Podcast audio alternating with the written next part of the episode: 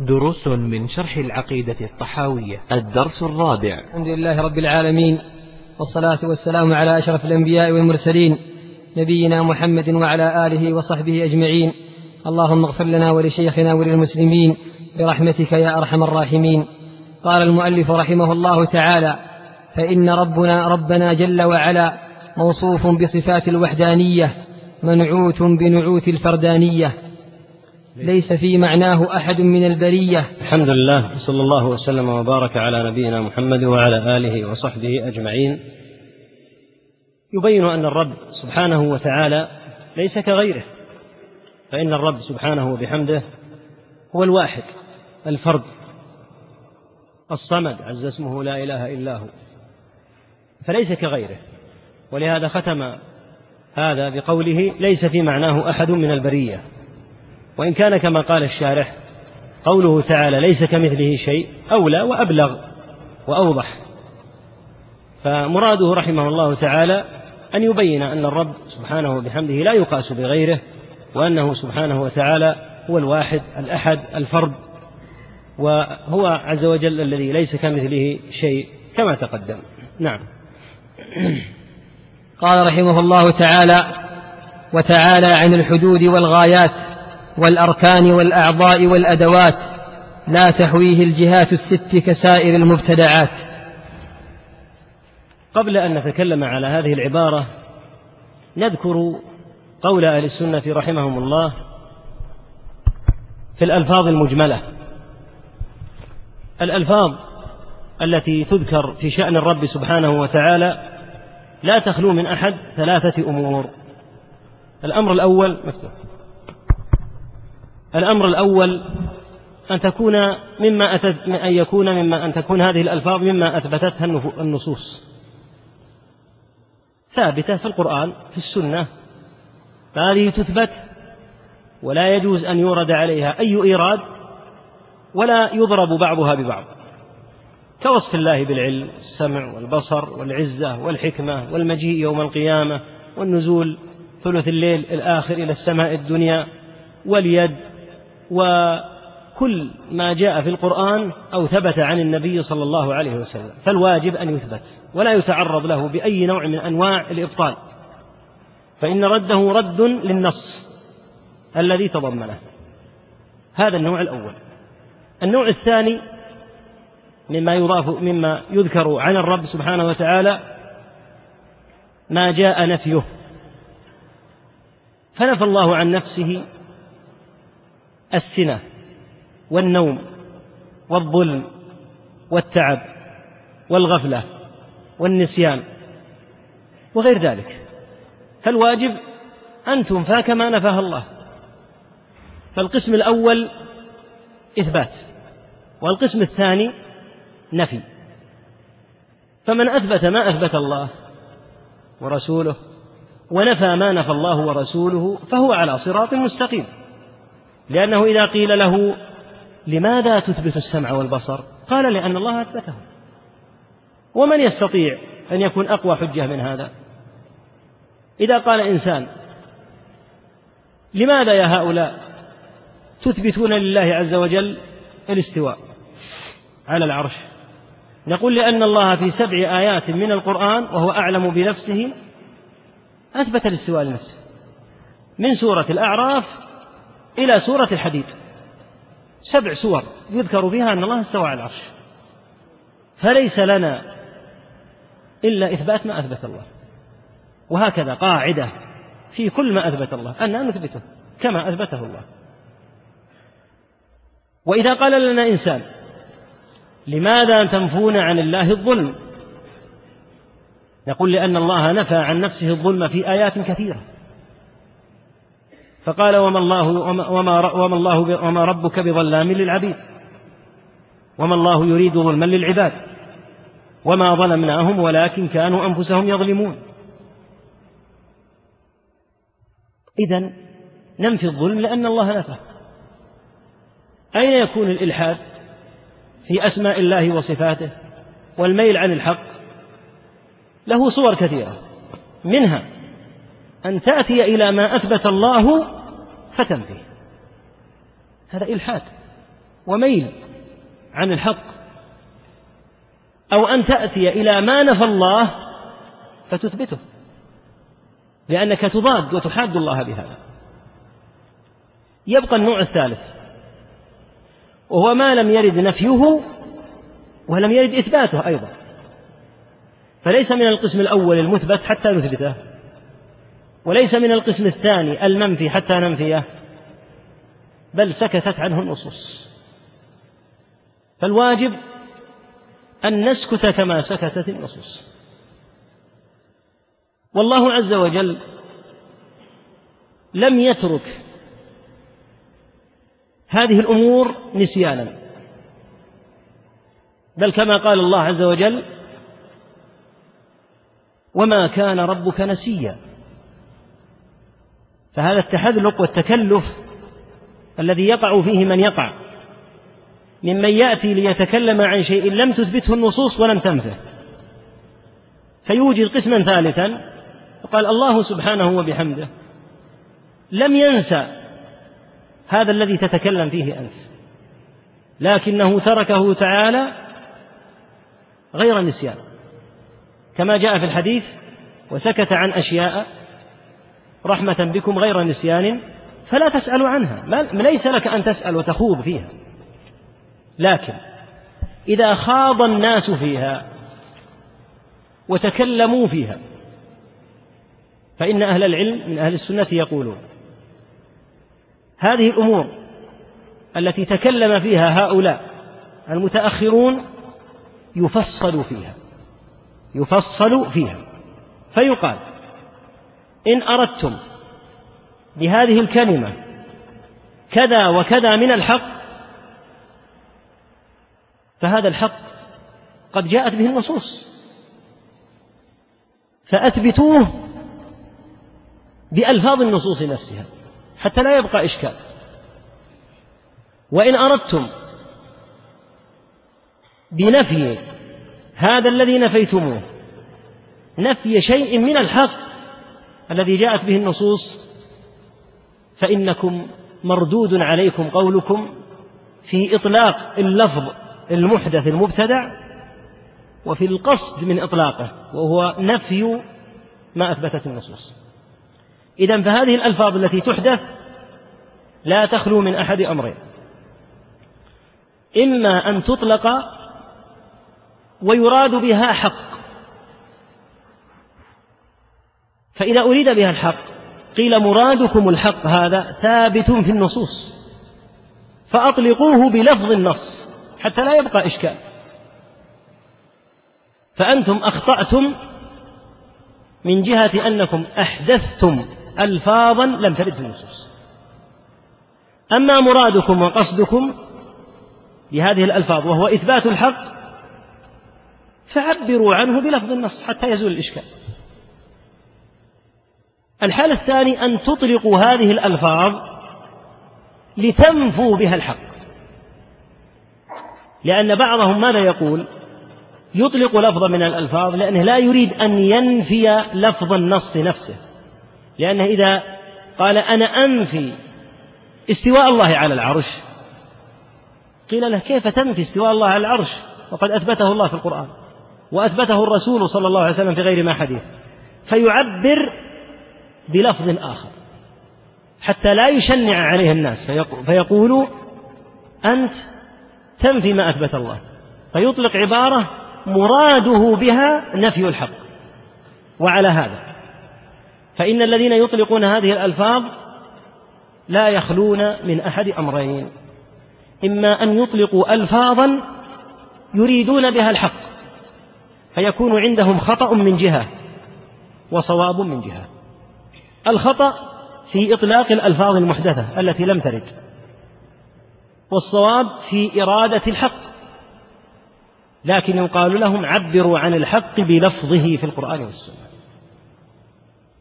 الحالة الثانية أن يخطئوا من جهتين أن يطلقوا لفظا محدثا ويريدوا بإطلاقه نفي الحق. فيقال أخطأتم. في إطلاق اللفظ المحدث ولا شك أنكم أخطأتم في نفي الحق الذي لويتم الكلام حتى تعبروا عنه بمثل هذه الألفاظ. فالحاصل أن هذه هي قاعدة أهل السنة. ما ذكره الطحاوي هنا رحمه الله تعالى من الألفاظ أما قوله عن الحد فالحد إن أطلق وأريد به. أن العباد يعلمون لله حدا يحيطون به فهذا باطل وينفى. وإن أطلق وأريد به أن ربنا سبحانه وتعالى يعلم صفته فهذا حق لأن الله عز وجل يعلم صفاته. وهكذا ما بعده. قوله الغايات والأركان والأعضاء والأدوات هذه الألفاظ كما تعلم لم ترد. وأهل الباطل يطلقونها ويريدون بها النصوص نصوص الصفات مثل اليد والوجه ونحوها. فيقال هذه الألفاظ مراد الطحاوي رحمه الله تعالى بنفيها ليس مراد أهل الباطل بلا شك لأن الطحاوي من أهل السنة في الصفات. فهو يثبت مثل إثبات أهل السنة. والدليل على أنه من أهل السنة في الصفات هذه العقيدة التي بين يديك. فإن بعضها يفسر بعضه بعضا. فأجمل هنا في العبارة وفسر في موضع آخر. ولهذا بعض من شرح هذه العقيدة استغل مثل هذه الألفاظ. لماذا؟ لأنها مجملة. والألفاظ المجملة ما معناها؟ هي التي تحتمل أكثر من معنى. يمكن أن يفسرها المبطل بمعنى ويفسرها المحق بمعنى آخر ولهذا لا ينبغي إطلاقها. فليس هناك أفضل من العبارات الموجودة في النصوص لأنها ينقطع بها أي إشكال. أما مثل هذه الألفاظ فإن المبطل يقول ها هذا الطحاوي الآن معنا وهو ليس بصادق قطعا لأن الطحاوي رحمه الله كما سيأتي يثبت الصفات. وكما تقدم أيضا يثبت الصفات مثل أهل السنة لكنه أطلق هذه الألفاظ وكأن مراده بها الرد على أهل الباطل من المشبهة ونحوهم. لكن لا ينبغي هذا الإطلاق لأن هذا الإطلاق أولا لم يرد في النصوص ثانيا يمكن أن يستغله أهل الباطل في نفي الحق وعد الطحاوي معهم حاشاه من ذلك رحمه الله. ولهذا ينبغي أن يعبر بالألفاظ الشرعية. يعبر بالألفاظ الشرعية سواء في الأمور القديمة أو في الأمور التي جدت وحدثت. فإذا عبر بالألفاظ الشرعية زال الإشكال وإذا أطلقت ألفاظ تحتمل أكثر من معنى تسببت في إشكال حيث يمكن أن يراد بها كذا أو يستغلها المبطل فيقول مقصوده بها كذا مما يوجد شيئا من التشويش. لكن هذا التفصيل يزيل هذا الإشكال بإذن الله. نعم.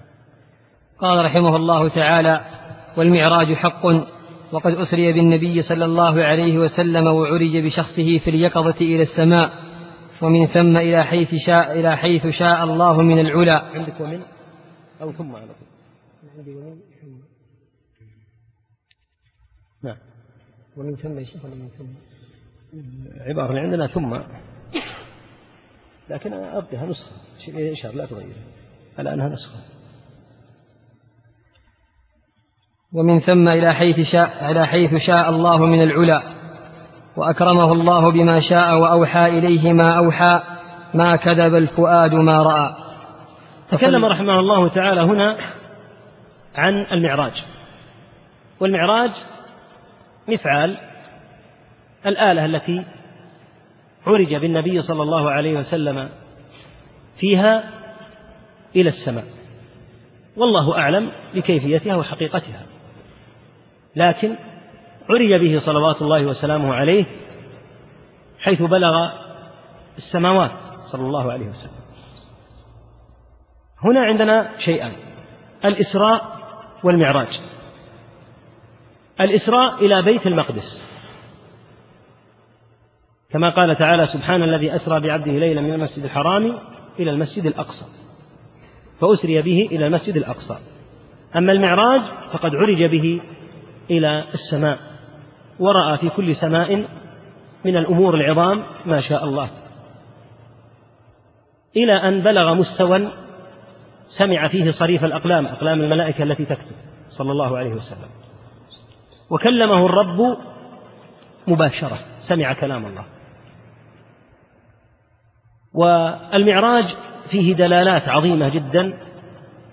من أعظم أدلة المعراج أنه دليل على علو الله تعالى. فإن النبي صلى الله عليه وسلم قد عرج به إلى السماء الأولى ثم الثانية ثم الثالثة ثم الرابعة ثم الخامسة ثم في السادسة لقي موسى عليه الصلاة والسلام. ثم عرج به للسابعة وفيها إبراهيم عليه الصلاة والسلام. ثم ارتفع إلى مستوى سمع فيه صريف الأقلام عليه الصلاة والسلام. وكلمه الرب مباشرة وفرض عليه الصلوات خمسين صلاة.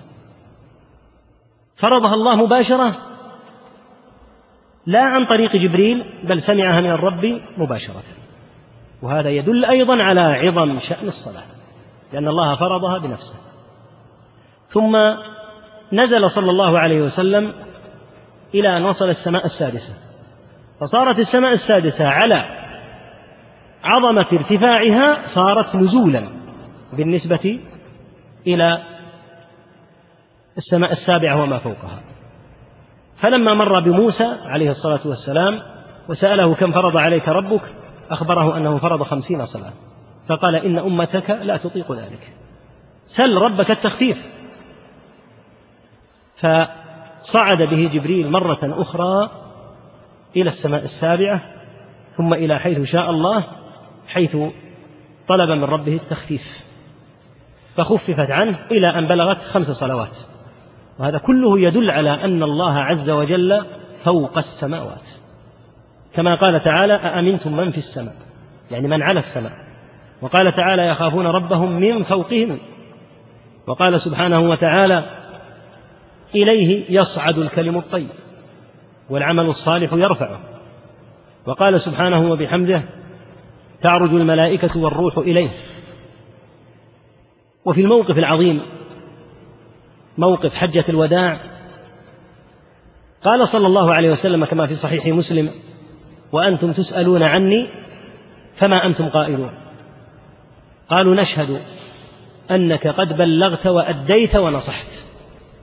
فقال بيده ثلاث مرات اللهم يشير إلى الله عز وجل اشهد ينكبها إليه ثم أعاد ثانية اللهم يشير إلى السماء لأن الله في السماء اشهد أي اشهد عليهم ثم قال اللهم ثالثة يشير إلى الله اشهد. فلا شك أن الله تعالى في السماء وأن من أعظم المنكر وأفظع ما يقال قول من يقول إن الله في كل مكان. هذا مقولة عظيمة وخبيثة جدا. إذا قيل إن الله في كل مكان فهذه مقولة خبيثة للغاية مقولة الجهمية.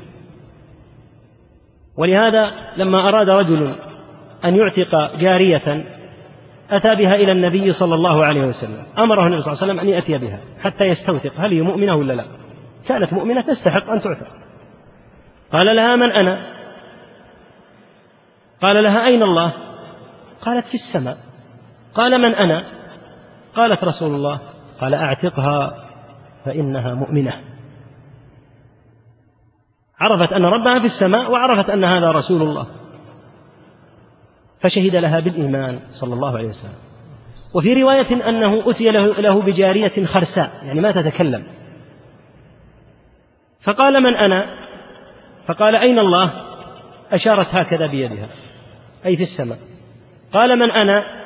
أشارت إليه صلى الله عليه وسلم وإلى السماء أي أنت رسول الذي في السماء. قال أعتقها فإنها مؤمنة. فماذا بعد الحق؟ إلا الضلال.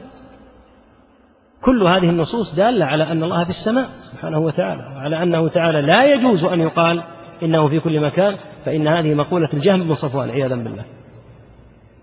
والنصوص الدالة على هذا كما ذكر شارح الطحاوية وابن القيم تزيد على ألف دليل.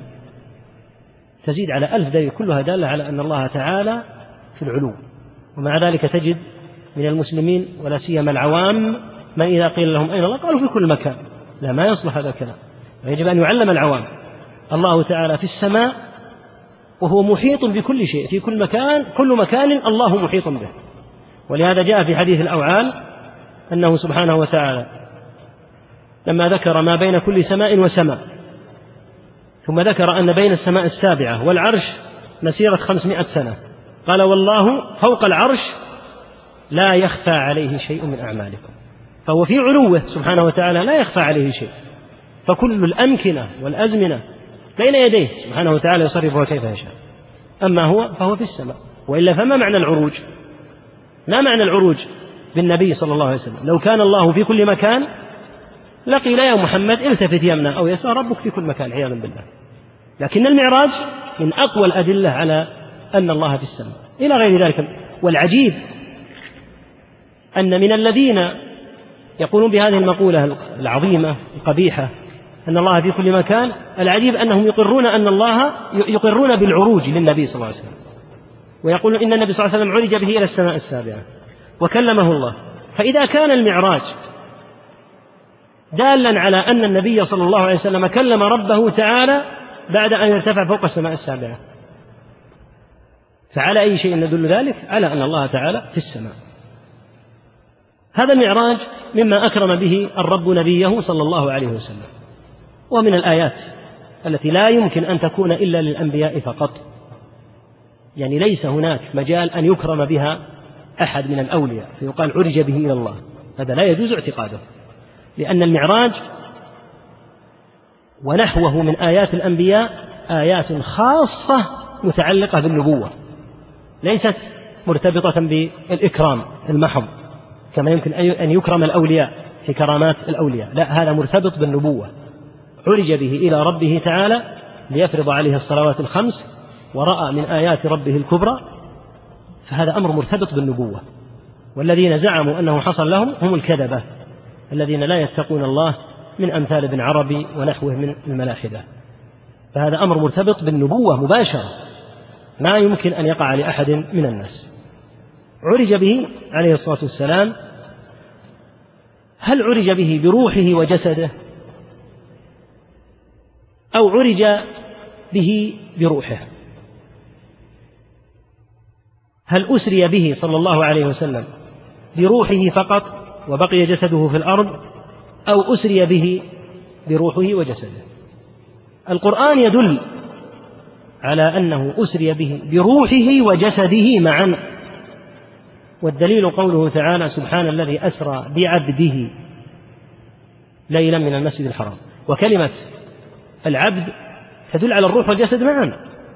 وإلا لو أسري بروحه فقط فقيل سبحان الذي أسرى بروح عبده.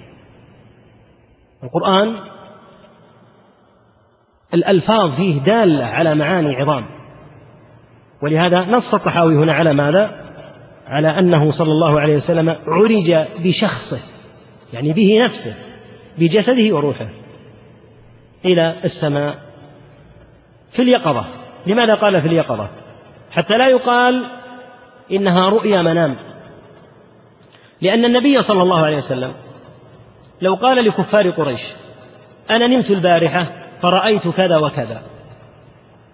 ما يجحدون. يقولون النائم يمكن أن يرى. وإنما أنكروا لأنه أخبرهم أنه عرج به بروحه وجسده في اليقظة لا في المنام. أما لو قال رأيت في المنام كذا وكذا لما أنكروه. فالحاصل أن الإسراء والمعراج كان في اليقظة لا في المنام. وكان بروحه وجسده صلى الله عليه وسلم معا. وكان مرة واحدة.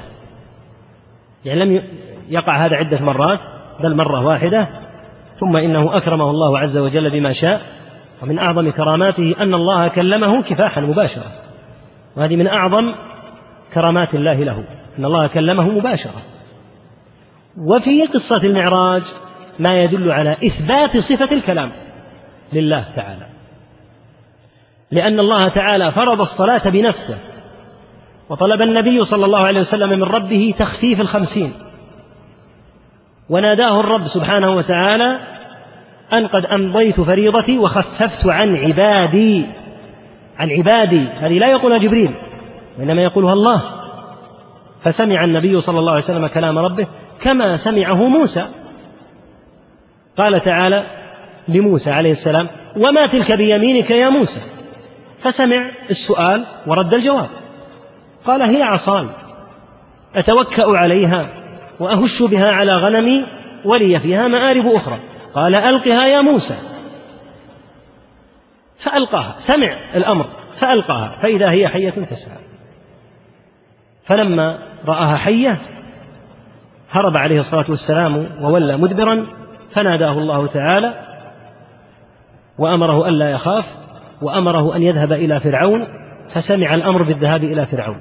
فذكر أنه قتل منهم نفسا فأخبره الله تعالى أنه معه ومع أخيه هارون يسمع ويرى. كل هذا يدل على أن الله تعالى يتكلم بكلام يسمع. وإلا فما معنى أنه يقول ألقها فيلقيها؟ ما تلك بيمينك يا موسى فيجيبه. قال هي عصاي. فسمع صوت ربه تعالى وأنه كلام بصوت. سمعه موسى عليه الصلاة والسلام ولهذا جاء في الحديث قوله عليه الصلاة والسلام إن الله تعالى ينادي الخلائق يوم القيامة بصوت يسمعه من بعد كما يسمعه من قرب. يعني يسمعه البعيد النائي بنفس القدر الذي يسمعه القريب وذلك لأن صفة الله لا تقاس. أما الآدميون فأصواتهم يسمعها القريب منهم أكثر من البعيد وربما كان البعيد لا يسمع. أما هذه الصفة لما كانت صفة لله فإنها لا تقاس. لا يقال القريب سيسمع أكثر لا. القريب والبعيد فيها سواء. كما قلنا في قوله تعالى والله سريع الحساب أن الله يحاسب الجميع دفعة واحدة. ما يشغله هذا عن ذاك. كما أنه سبحانه وبحمده يسمع الأدعية في وقت واحد بعدة لغات وأصحاب هذه الأدعية يدعون بعدد من المسائل ويطلبون عددا من الطلبات ولا يشغله سبحانه طلب هذا عن طلب هذا. هذا الطالب بلغة العرب يعلم ما أراد وذاك الطالب بلغة العجم يعلم ما أراد وهم في وقت واحد. لأن صفاته لا تقاس لا يقال إنها مثل صفات المخلوقين. ولهذا قلنا إن هذه الصفات تثبت ولا يقاس عليها. إذ هي صفات الرب سبحانه وتعالى التي لا يقاس عليها. هذا مجمل ما يقال في موضوع الإسراء والمعراج. ومن أراد بسط الروايات فليراجع آه، أول تفسير ابن كثير في سورة الإسراء حيث أورد رحمه الله تعالى عدة روايات في الإسراء والمعراج. نعم. قال رحمه الله تعالى فصلى الله عليه وسلم في الآخرة والأولى. عليه الصلاة والسلام. نعم. والحوض الذي أكرمه الله تعالى به غياثا لأمته حق. نعم. ومما يقر به أهل السنة الحوض الذي يكون في القيامة إذا بعثت الخلائق. وهذا الحوض قد تواردت الأحاديث وتكاثرت في وصفه. فجاء أن مسيرته فجاء أن هذا الحوض مسيرة شهر في شهر. هذا يدل على طوله العظيم. طول عظيم جدا للحوض. مسيرة شهر طولا وعرض مسيرة شهر. وهذه مسافة كبيرة جدا. ماء هذا الحوض أبيض من اللبن وأحلى من العسل. كيزانه والكؤوس التي فيه عدد نجوم السماء. من شرب منه شربة لم يظمأ بعدها أبدا. وهذا من الحوض الذي أكرم الله به نبيه صلى الله عليه وسلم. وقد تكاثرت به النصوص. نصوص فيه كثيرة جدا متواترة. وجمعها أيضا الحافظ بن كثير رحمه الله تعالى في آخر كتابه البداية والنهاية فإنه تكلم في هذا الكتاب وهو أحسن كتب التاريخ تكلم عن البداية بداية الخلق والملائكة والجن والإنس وخلق آدم وما يتعلق ببعثة نوح وغيره. ثم تكلم عن النهاية وما يكون في آخر الزمان وأشراط الساعة وما يكون في القيامة. ومن ضمن ذلك الحوض. فذكر أحاديثه واستوفى الكثير منها رحمه الله تعالى. فيؤمن أهل السنة بهذا الحوض. وهو غياث لهذه الأمة كما قال الماتر رحمه الله تعالى. لأن الناس يبعثون عطاشا. فمن شرب منه من هذا الحوض لم يظمأ بعده أبدا. نعم. قال رحمه الله تعالى والشفاعة, والشفاعة التي ادخرها لهم حق كما روي في الأخبار. الشفاعة أصل الشفع ضد الوتر. يعني كأن المشفوع له له حاجة. فيضاف إليه آخر فبدلا من أن يكون فردا يكون شفعا الشفاعة التي في القرآن على نوعين اثنين. شفاعة مثبتة وشفاعة منفية. الشفاعة المنفية في مثل قوله تعالى يا أيها الذين آمنوا أنفقوا مما رزقناكم من قبل أن يأتي يوم لا بيع فيه ولا خلة ولا شفاعة. فهنا نفي للشفاعة. والنوع الثاني من الشفاعة شفاعة مثبتة مثل قول الله تعالى من ذا الذي يشفع عنده إلا بإذنه فأثبت شفاعة بشرط فدل على أن هناك شفاعة تتحقق إذا تحقق شرطها فما الشفاعة المنفية؟ الشفاعة المنفية الشفاعة التي يعتقدها المشركون في الشركاء الذين كانوا يزعمون أنهم سيشفعون لهم. قال تعالى ويعبدون من دون الله ما لا يضرهم ولا ينفعهم ويقولون هؤلاء شفعاؤنا عند الله. قل أتنبئون الله بما لا يعلم في السماوات ولا في الأرض؟ فهذه منفية لأنهم يعبدون الأوثان ويقولون هذه الأوثان تشفع لنا. فهذه شفاعة منفية. ولهذا يقال لهم إذا وردوا القيامة ولقد جئتمونا فرادا كما خلقناكم أول مرة. وتركتم ما خولناكم وراء ظهوركم وما نرى معكم شفعاءكم الذين زعمتم أنهم فيكم شركاء.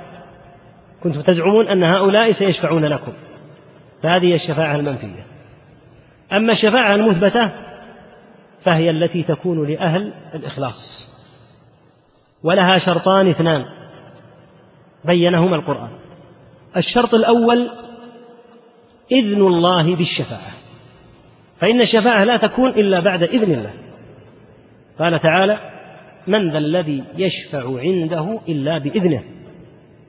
فلا يمكن أن يشفع أحد إلا إذا أذن الله. وقال تعالى وكم من ملك في السماوات لا تغني شفاعتهم شيئا. ملائكة لا تغني شفاعتهم شيئا إلا من بعد أن يأذن الله. لمن يشاء ويرضى. فدلت الآيات على الشرط الأول وهو شرط إذن الله بالشفاعة. الشرط الثاني أن يرضى الله عن المشفوع له. والدليل عليه قوله تعالى ولا يشفعون إلا لمن ارتضى فالذي لا يرضى الله عنه من المشركين لا شفاعة له ولهذا الشفاعة في الأصل لمن؟ هل هي للملائكة أو للأنبياء أو للصالحين؟ لا. الشفاعة في الأصل لله. قال تعالى قل لله الشفاعة جميعا فهي لله. أما الأنبياء والصالحون والملائكة فيشفعون إذا أذن إذا أذن الله. إذا أذن الله لهم بالشفاعة شفعوا. لأن ال... الذي يملك الشفاعة هو الله فهي ملكه سبحانه وتعالى. ولهذا لا تقع إلا إذا أذن سبحانه وبحمده. والدليل عليه هذه الآية العظيمة التي عمي عنها هؤلاء الذين لا يتدبرون القرآن ويطلبون الشفاعة من غير أن يأتي وقتها وهو القيامة. بعد أن يأذن الله. قال تعالى قل لله الشفاعة جميعا. فبين أن الشفاعة له وإذا كانت له فإنها لا تقع إلا إذا أذن. ولهذا متى تقع الشفاعة في القيامة؟ تقع بعد أن يطول مقام الناس في القيامة. فيأتون إلى آدم عليه السلام فيقولون أنت أبو البشر. خلقك الله بيده. وأسجد لك ملائكته. ألا ترى إلى ما بنا؟ يعني من شدة الكرب والحال. الشمس قربت مقدار ميل. والخلائق في كرب عظيم. اشفع لنا إلى ربك. اطلب من ربك أنه يشفع. اطلب من ربك أنه يأذن بالشفاعة. فيقول نفسي نفسي. ويرسلهم إلى نوح. ويعتذر نوح ويرسلهم إلى إبراهيم. ويعتذر إبراهيم ويرسلهم إلى موسى ويعتذر موسى ويرسلهم إلى عيسى ويعتذر محمد آه، عيسى ويرسلهم إلى محمد صلى الله عليه وعليهم جميعا وسلم تسليما كثيرا. فإذا طلبوا من من النبي صلى الله عليه وسلم أن يشفع لهم هل يذهب إلى ربه ويشفع؟ لا. لا بد أن يستأذن. فيأتي فيخر تحت العرش ساجدا. ماذا يريد؟ أن يؤذن في الشفاعة. يعني لا يذهب لله لأنه أعلم بالله وأكرم وأجل من أن يأتي إلى ربه ويقول إني أشفع لأنه لا بد أن يأذن الله. وجاء في الحديث أنه صلى الله عليه وسلم يخر ساجدا تحت العرش أسبوعا كاملا. ويفتح عليه بمحامد لم يكن يعرفها من قبل صلى الله عليه وسلم. أنواع من حمد الله والثناء عليه يفتحها الله عز وجل عليه. وبعد مضي أسبوع يقال له يأتيه الإذن. يا محمد ارفع رأسك. وقل يسمع وسل تعطى واشفع تشفع أتاها الإذن بعد هذه المدة الطويلة. فإذا أذن له رفع رأسه من السجود وقال أمتي يا رب عليه الصلاة والسلام أمتي يا رب أمتي يا رب. فيؤذن بالشفاعة. هكذا ينبغي أن يعرف أمر الشفاعة وأنها ملك الله وحده وهو يتفضل سبحانه وتعالى بالإذن بها إكراما للشافع ورحمة بالمشفوع له. هذه نصوص القرآن. ولهذا من أين يأتي الخلل في فهم الشفاعة؟ من خلال البلاء الكبير الذي يقع فيه من لا يعرفون الله. حين يقيسون رب العالمين على ملوك الدنيا فيقولون ملوك الدنيا عندهم وزراء وعندهم مقربون. إذا أردت الحاجة من الملك ما تذهب إليه مباشرة لكن تبحث عن بعض من يعرفونه ولديهم عنده حظوة فتقول اشفعوا لي عند الملك بكذا.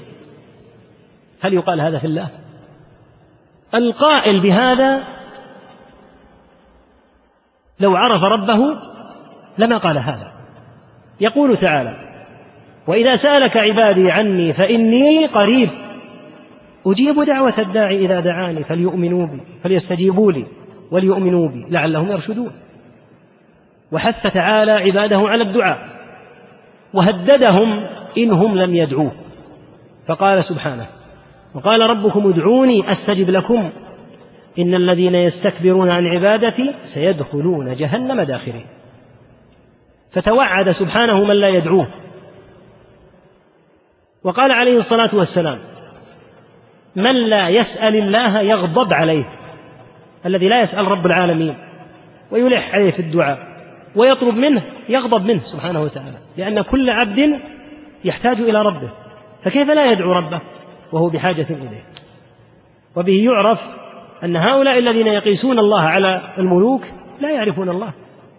ربك قريب أمرك بالدعاء وأخبرك أنه سميع قريب يسمع الدعاء سبحانه بحمده فكيف يقال اذهب إلى أحد من الموتى واطلب منه أن يدعو لك ثم هو يرفع حاجتك إلى الله ولأن عنده جاها ومنزلة ومكانة سيقبل الله دعاءك.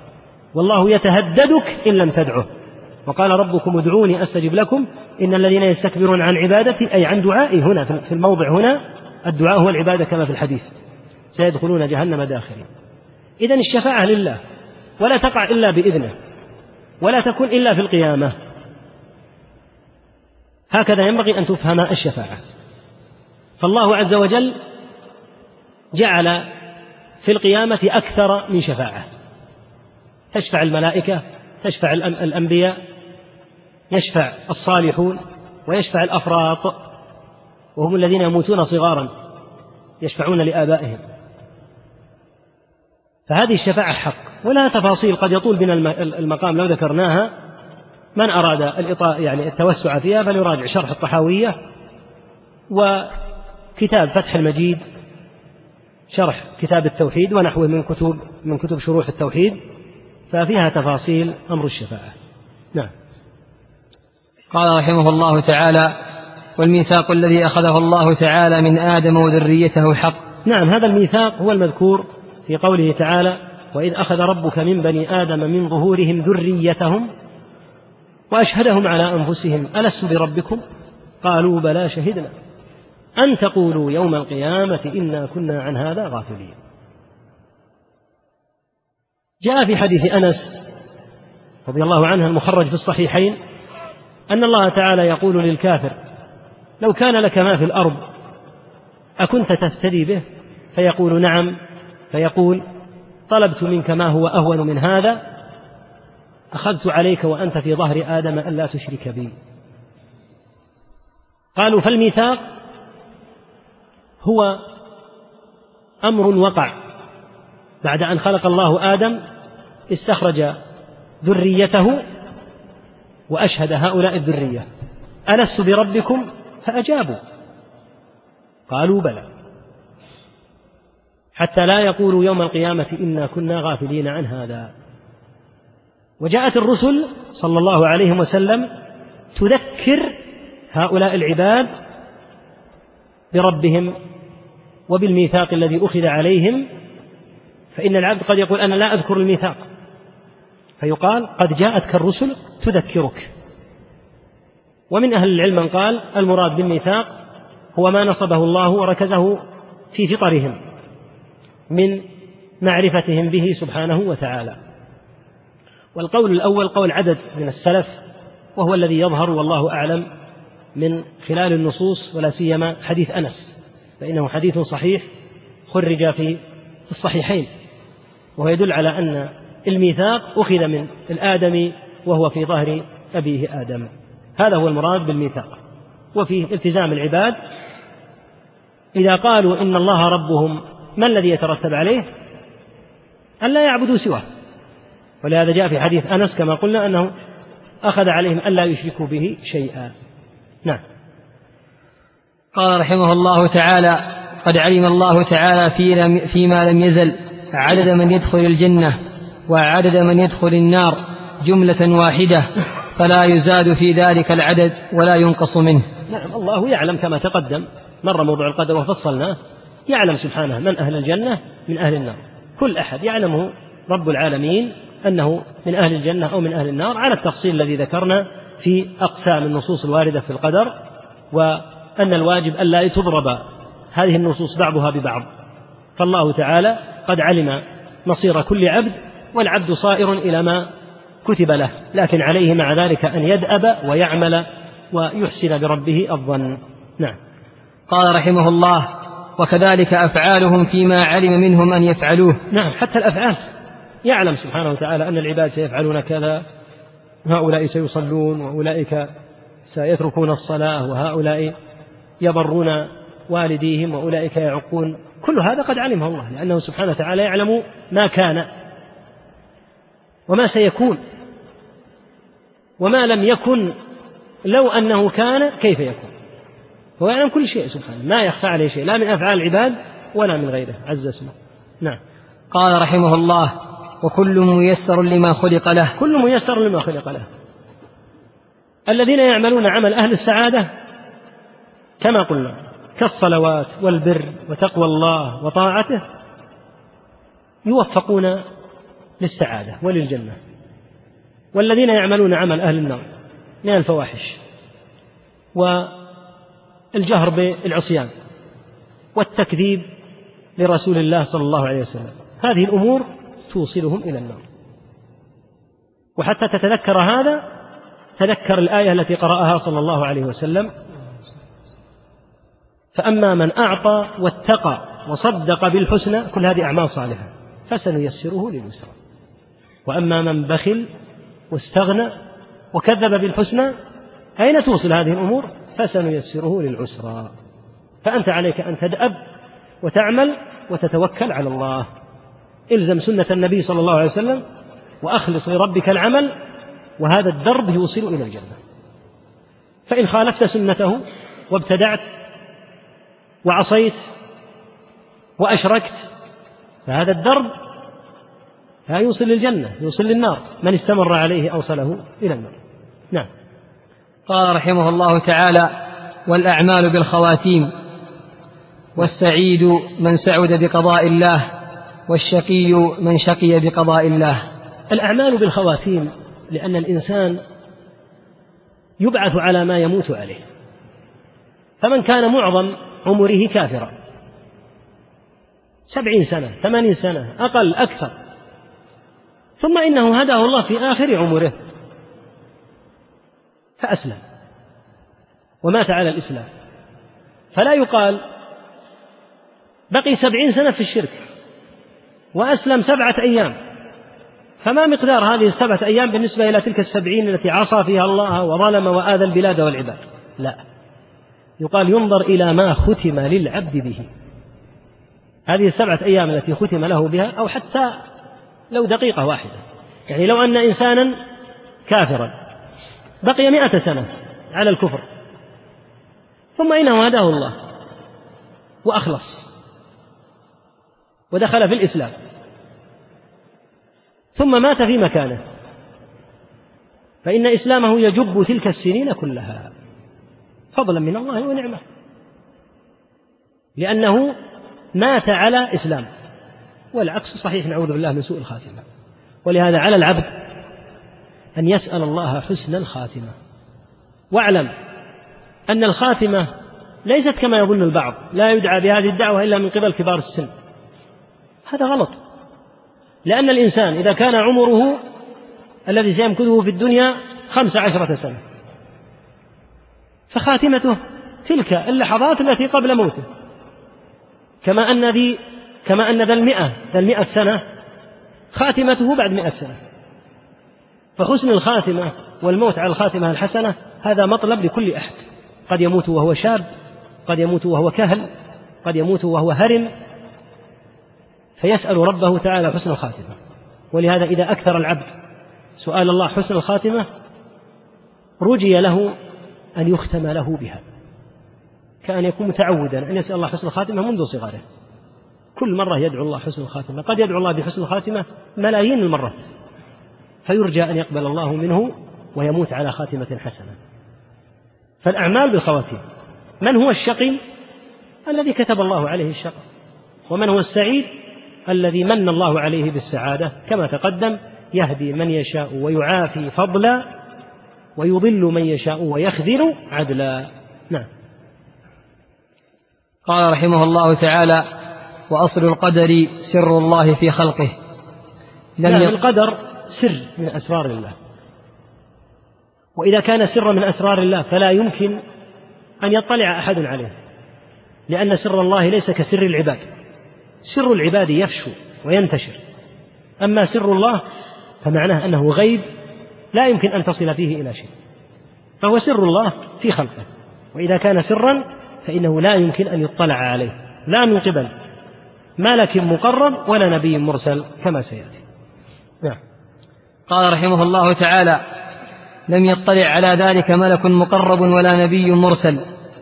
نعم. حتى الأنبياء المرسلون وحتى الملائكة المقربون لم يطلعوا على القدر. إذا فغيرهم من باب أولى. نعم. قال رحمه الله والتعمق والنظر في ذلك ذريعة الخذلان وسلم الحرمان. ودرجة الطغيان. نعم هذا الكلام عن الخوض والجدال والنزاع الباطل. بأن يتعمق الإنسان ويبدأ ينازع ويجادل في أمر القدر. هذا ذريعة الخذلان. الذريعة التي توصله إلى الخذلان. والسلم الذي يصعد به حتى يصل إلى الحرمان. وهو الدرجة التي يبلغها من الطغيان. فعلى العبد أن يحذر من المنازعات. مثل ما تقدم. يقر بما في القسم الأول من النصوص من إثبات علم الله وكتابته ومشيئته وخلقه. فإذا أقر هذا لله فإذا أقر بهذا لله يقر بما يتعلق بالعبد.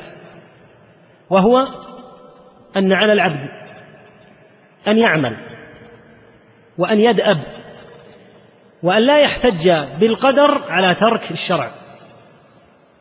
فيعمل مع إيمانه بهذا. فإذا صار ينازع يأخذ نصا من هذا القسم ونصا آخر ويضرب بعضها ببعض فمعنى ذلك أنه صار يجادل وينازع.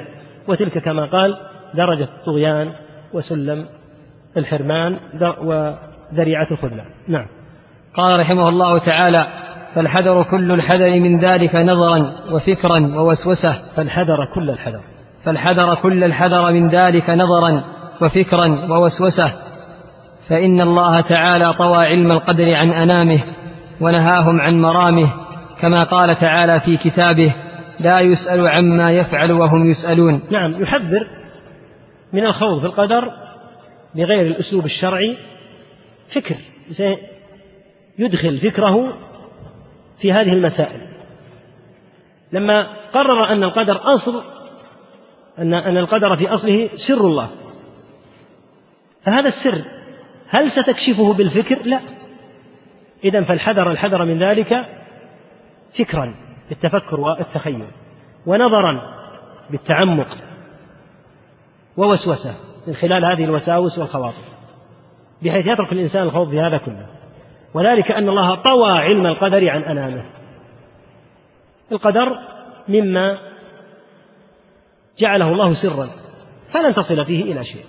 إذا فاترك الخوض فيه والوسوسة والمناقشات والمجادلات والمنازعات فيه وربك تعالى لا يسأل عما يسأل عما يفعل وهم يسألون. نعم. قال رحمه الله فمن سأل لما فعل فقد رد حكم الكتاب ومن رد حكم الكتاب كان من الكافرين. يعني من سأل لما فعل يعني الله. وصار يعترض لما؟ لماذا فعل الله كذا؟ لماذا أمر الله بكذا؟ لماذا قال الله كذا؟ على سبيل المبارزة والمعاندة. هذا قد رد حكم الله. ورد حكم الله في أصله كفر إذا علم أنه حكم إذا علم أنه فعلا هو حكم الله. ليس إذا كان جاهلا لا يدري أن هذا الحكم. لكن إذا علم أن هذا هو حكم الله فرده. وهو حكم الله فلا شك أن هذا من الجرأة على الله عياذا بالله. فلهذا لا يجوز أن يعترض على الله. ولهذا قال الشافعي رحمه الله لا يقال للأصل يعني النص. لما؟ يعني ما ما ليس الإنسان يقول لماذا جعل الله العصر أربعا؟ لماذا لم يجعل الله خمسا؟ ما يجوز هذا. ليس لك أن تقول هذا. إذا علمت أن العصر أربع فافعل وأدي الصلاة. أما أن تقول لله لما فلست في مقام من يخاطب الله بلماذا؟ يعني لست في الدرجة التي يعني ما هنالك أحد يمكن أن يعلو مقامه بحيث يوجه لله لماذا تفعل كذا؟ عياذا بالله نسأل الله العافية والسلام. يستحيل أن يكون لأحد درجة يصل من خلالها إلى أن يقول لله لماذا تفعل كذا؟ لماذا شرعت كذا؟ لماذا حرمت كذا؟ مستحيل. لا ملك ولا نبي مرسل ولا أي أحد.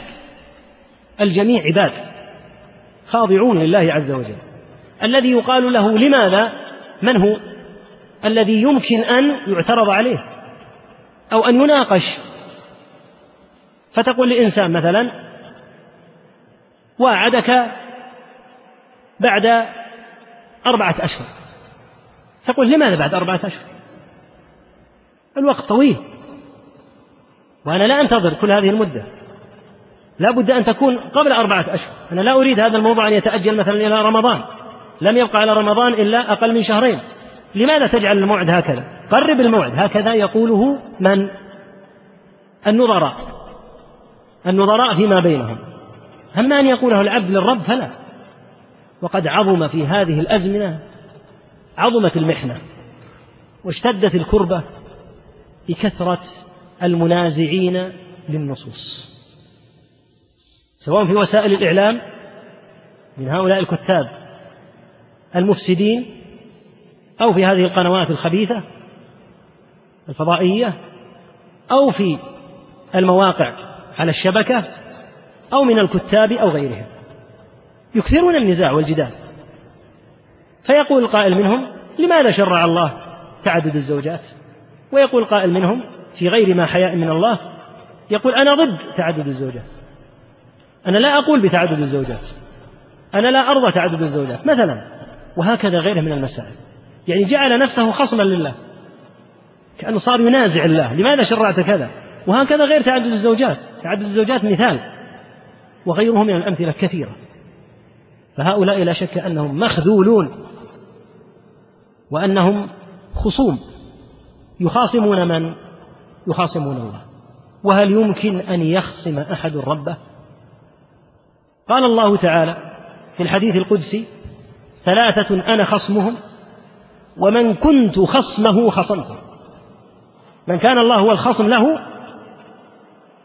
فالله هو الغالب قطعا وهو المخصوم. سيخصم العبد لا بد. ولهذا إياك أن تكون خصيما لله. ولهذا سمى أهل العلم سموا القدرية بخصوم الله. لأن القدرية ينازعون.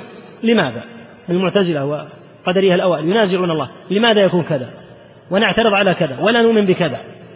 ولهذا لما اعترض المعترض على ابن تيمية رحمه الله على عقيدة أهل السنة في القدر وكتب له كتابا فيه شعر يدعي فيه أنه من أهل الذمة يقول فيه أيا علماء الدين ذمي دينكم تحير دلوه إلى خير حجة دعاني وسد الباب دوني فهل إلى دخولي طريق بينوا لي حجتي فكتب ابن تيمية رحمه الله ردا ظنوا أنه يكتب ردا نثريا وإذا به يرد عليه شعرا رحمه الله. فقال رحمه الله سؤالك يا هذا سؤال معاند مخاصم رب الكون باري البرية وتدعى خصوم الله يوم معادها إلى النار طرا معشر القدرية. يعني أن أهل القدر كما جاء عن بعض السلف ينادون يوم القيامة أين خصماء الله؟ فيقوم أهل القدر نسأل الله العافية. يعني كانوا يخاصمون الله في القدر. جاء هذا عن بعض السلف. ولهذا سميت القدرية بخصوم الله. وهذا من حمقهم وجهلهم. لا يقال هم خصوم الله لأنهم أقوياء. مستحيل لكن يقال هم خصوم الله لأنهم سفهاء. لأن من خاصم الله فهو مغلوب والله تبارك وتعالى هو الغالب. كما قال كعب بن مالك أو بعض شعراء النبي صلى الله عليه وسلم يهجو قريشا زعمت سخينة يعني قريشا قبل أن تسلم زعمت سخينة أن ستغلب ربها ولا يغلبن مغالب الغلاب. مغالب الغلاب رب العالمين هو الغلاب. الذي يغالب الله سيغلب.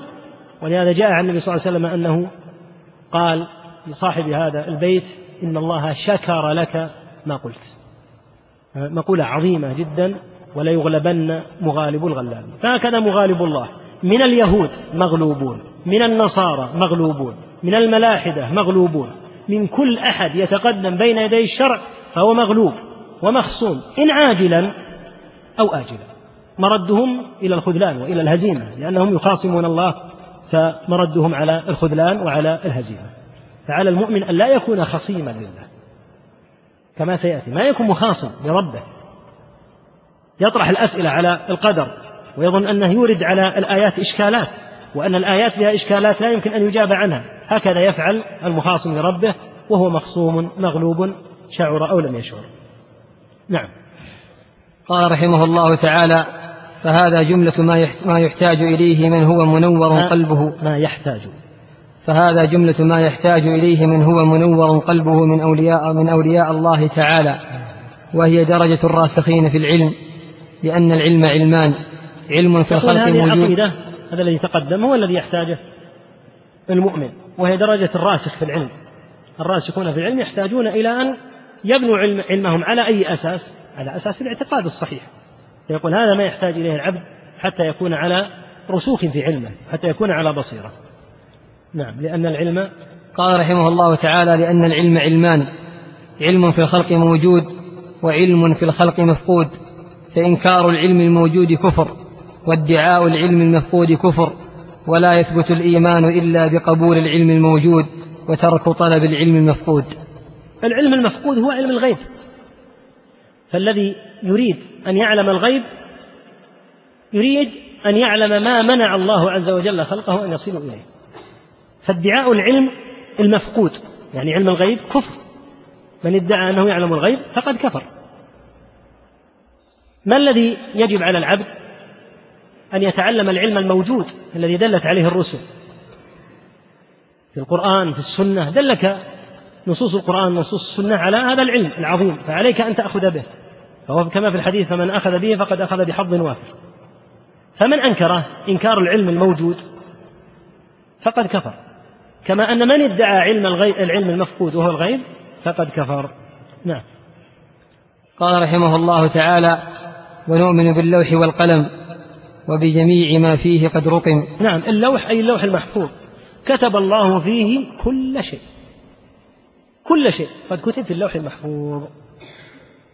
والقلم هو الذي أمره الله بالكتابة. يقول صلى الله عليه وسلم أول ما خلق الله القلم فقال له اكتب. فجرى في تلك الساعة بما هو كائن إلى يوم القيامة. فنؤمن بالقلم الذي الذي كتب كل شيء إلى قيام الساعة ونؤمن باللوح المحفوظ الذي كتب فيه كل شيء كل شيء بمعنى ما الكلمة. حتى السكنات والحركات واللحظات كل هذا قد كتب في اللوح المحفوظ. فاللوح المحفوظ كتب فيه كل شيء وهذا يدل على عظمة قدرة الله تعالى. كل شيء قد كتب حتى الأمور الجزئية اليسيرة. قال تعالى ما أصاب من مصيبة في الأرض ولا في أنفسكم إلا في كتاب من قبل أن نبرأها إن ذلك على الله يسير. هذا أمر عجيب وعظيم لكنه على الله يسير سبحانه وتعالى. نعم.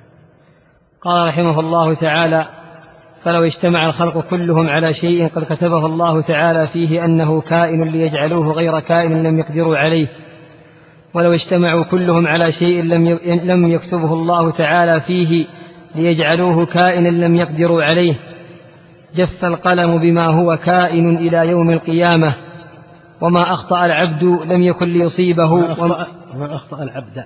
وما أخطأ العبد لم يكن ليصيبه وما أصابه لم يكن ليخطئه. لا شك أن ما كتبه الله لا يمكن أن يغير. ولو اجتمع كل الخلائق على أن يغيروا أمرا. قد أمضاه الله لما استطاعوا. كما أنهم لو اجتمعوا على أن يردوا أمرا سيجريه الله عز وجل لما استطاعوا. جف القلم بما هو كائن يعني أن القلم كتب الكتابة وانتهى الموضوع. فسيكون ما أراد الله عز وجل رضي الناس أو لم يرضوا ولو اجتمع كل الخلائق على أن يردوا أمر الله لما استطاعوا لذلك سبيلا. نعم. أما, أما العبد فما أخطأه فما أصابه لم يكن ليخطئه وما أخطأه لم يكن ليصيبه.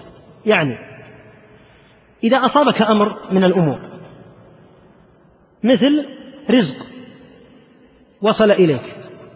هذا الرزق ما كان ليخطئك ويذهب إلى غيرك. هذا أمر محال. لأن الله كتب هذا الرزق لفلان بن فلان فلا بد أن يصله. وما أخطأك يعني ولم يصبك وإنما ذهب إلى غيرك فيستحيل أن يأتي إليك لأن الله ما كتبه لك. ولهذا من آيات الله العجيبة البديعة في خلقه أن العبد يسعى في أمر ويدأب فيه ويتعب فيه وتكون النتيجة لمن؟ لغيره. هذا معناه ما أصابك لم يكن ليخطئك وما أخطأك لم يكن ليصيبك. أنت كنت تريد أن تصل إلى هذا. لكن الله كتب هذا الأمر لغيرك فيستحيل أن يصل إليك. وما أصابك أنت فيستحيل أن يخطئك. سواء من الرزق وما تحب أو مما تكره من الأمور التي فيها ضرر وفيها مصاب ونحوه على هذا الحال. ما أصابك منها لم يكن ليخطئك وما أخطأك منها لم يكن ليصيبك. نعم. قال رحمه الله تعالى وعلى العبد أن يعلم أن الله قد سبق علمه في كل كائن من خلقه فقدر ذلك تقديرا محكما مبرما ليس فيه ناقض ولا معقب ولا مزيل ولا مغير ولا ناقص ولا زائد من خلقه في سماواته وأرضه. نعم هذا قريب مما تقدم. كل هذا قريب وتأكيد مما تقدم. نعم. قال رحمه الله وذلك من عقد الإيمان وأصول المعرفة والاعتراف بتوحيد الله تعالى وبربوبيته كما قال تعالى في كتابه وخلق كل شيء فقدره تقديرا وقال تعالى وكان أمر الله قدرا مقدورا فويل لمن صار لله تعالى في القدر خصيما. في القدر. في القدر خصيما. وأحضر للنظر فيه قلبا سليما. لقد التمس قلبا سقيما. أنا يدي سليما لا لا غيروها. هذه خطأ.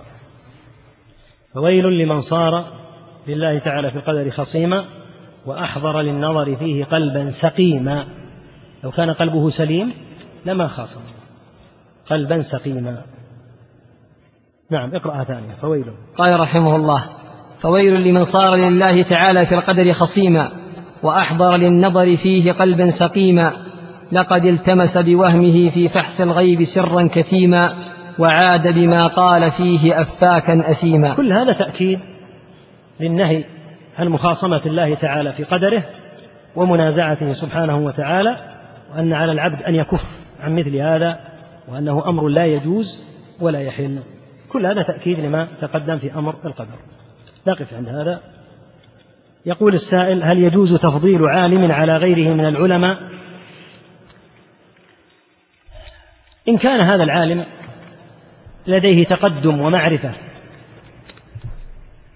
فنعم لأن يعني هذا جاء في من هم أعظم وأرفع من العلماء وهم الأنبياء. جاء فيه التفضيل بين الأنبياء فسيد الأنبياء محمد صلى الله عليه وسلم وهو أفضل من جميع الأنبياء أفضل من أبيه آدم وأبيه إبراهيم من جميع الأنبياء. فإذا وجد التفاضل بين الأنبياء فكيف لا يوجد تفاضل بين العلماء؟ فمن كان أكثر علما ووفق للثبات في موقف من المواقف ونشر السنة ونصرها فهذا يرتفع. ولهذا تجد العلماء المتعاصرين يقرون بأن هذا العالم من أفضلهم. كما كان الحال زمن الإمام أحمد. أقر له حتى بعض شيوخه أنه قد وفق لمقام أعلى الله عز وجل به قدره. لكن إذا أريد تفضيل عالم على غيره تستخدم ألفاظ مناسبة. ما تستخدم ألفاظ يحط بها من غيره من العلماء فيلاحظ هذا الأمر. يسأل عن حديث خلوف فم الصائم أطيب عند الله من رائحة المسك.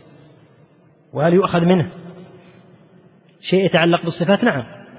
أن الله عز وجل لا يخفى عليه أمر هذه الأمور التي تشم.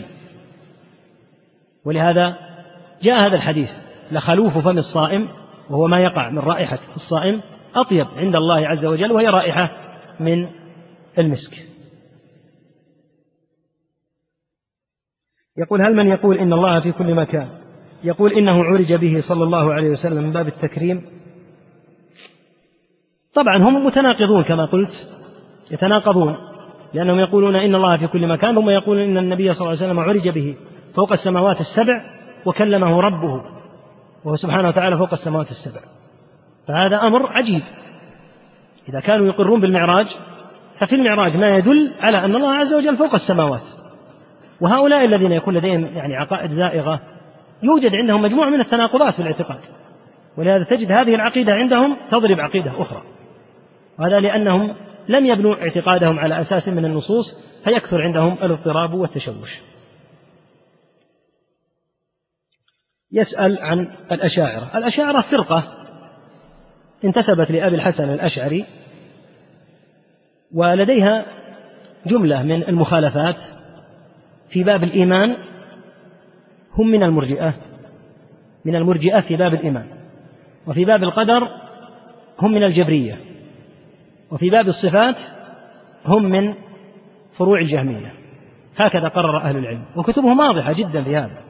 يعني هم يقولون الإيمان هو التصديق فقط. حتى نطق اللسان يخرجونه من أركان الإيمان. وعمل الجوارح يخرجونها. هذا هو القول المشهور فيهم أما قولهم في القدر فهم جبرية. والإيجي وهو من الأشاعرة يقول في كتابه المواقف نحن جبرية متوسطة. يقر أنه من الجبرية. يقول لكن لسنا في درجة غلو الجهم بالصفوان لكنها متوسطة فأقر أنهم جبرية. وفي باب الأسماء والصفات لا شك أنهم ينفون ولا سيما المتأخرون منهم ينفون الكثير ينفون كثيرا من الصفات حتى لم يقروا إلا بسبع. ونفوا الكثير الكثير من الصفات. حتى الصفات التي أثبتها شيخهم أبو الحسن الأشعري خالفوه فيها. فلا شك أن لديهم شيئا كثيرا من المخالفات. أما في أبواب أخرى مثل الصحابة موقفهم من الصحابة مثل موقف أهل السنة موقف طيب.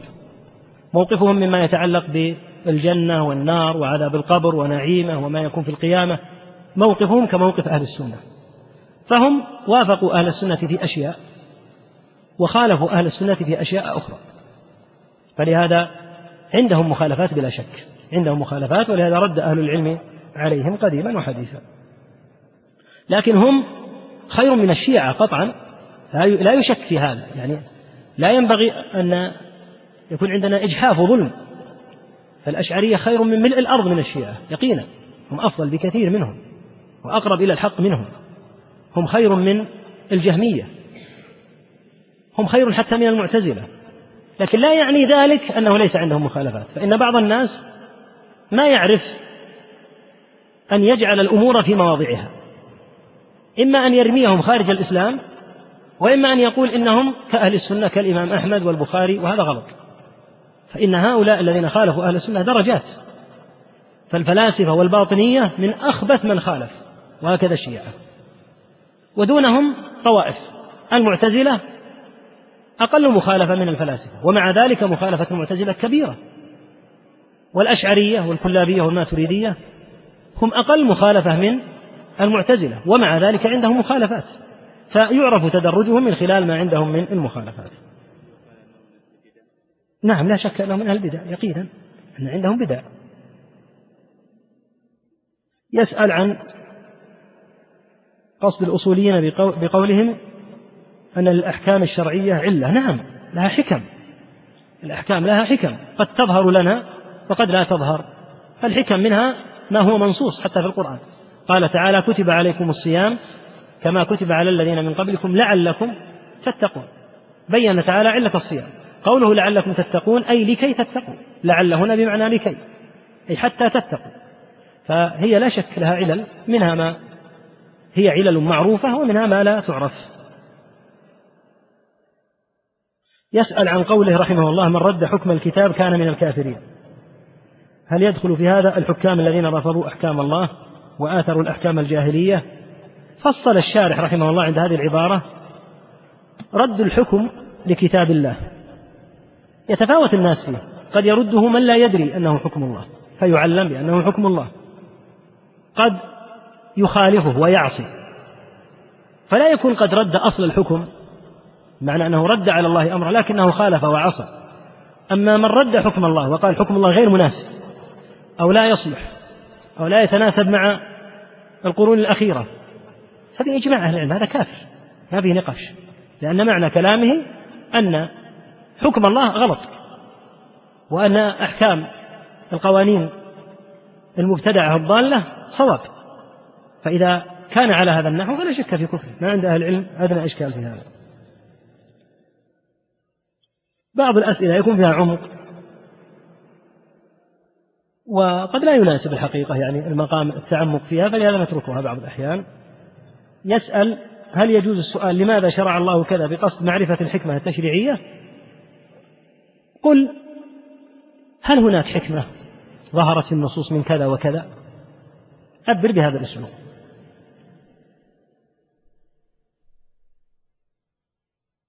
يسأل عن قول أهل السنة فيما ورد نفيه. نفي ما نفت النصوص يقول ألا يقال أيضا مع كمال ضده لأن النفي عدم؟ نعم وهذا من التفصيلات التي نتركها أيضا. يعني إذا قيل إن الله تعالى لا ينام فذلك لكمال قيوميته. وإذا قيل إنه تعالى لا يموت فذلك لكمال حياته وهكذا. لكن هذه التفاصيل نتركها بعض الأحيان لأن المقام قد لا يسعف عليها والوقت أيضا قصير. يسأل الأخ يقول اختلاف العلماء في ذكر أنواع الشفاعة. هناك من ذكر أنها ثمانية وذكر الشيخ ابن جبريل حفظه الله أنها خمسة وأنتم ذكرتم أنها نوعان. أنا ما ذكرت أنها نوعان. الشفاعة المثبتة أنواع. منها الشفاعة العظمى لأهل الموقف لأن يأذن الله عز وجل فصل القضاء منها الشفاعة لأناس دخلوا النار استوجبوا دخول النار أن لا يدخلوها. منها الشفاعة لأناس دخلوا النار أن يخرجوا منها. هذا كله تحت قسم الشفاعة المثبتة. أما قولنا إنها نوعان فالمقصود هناك نوع منفي وهو شفاعة الشفاعة التي يعتقدها المشركون. فهذه ليس لها حقيقة. أما الشفاعة المثبتة فهي على الأنواع التي ذكرت. فصلها أهل العلم رحمهم الله وقد يذكر بعض أهل العلم بعضا منها وليس بالضرورة أن يكون نافيا لما سواها. وقد يعني يقال إن هذا النوع من الشفاعة يحتاج إلى أن يثبت نص بشأنه فيتوقف فيه. ليس المعنى إذا قلنا إنها نوعان أن هناك شفاعة مثبتة وشفاعة منفية. طيب الشفاعة المثبتة ما هي؟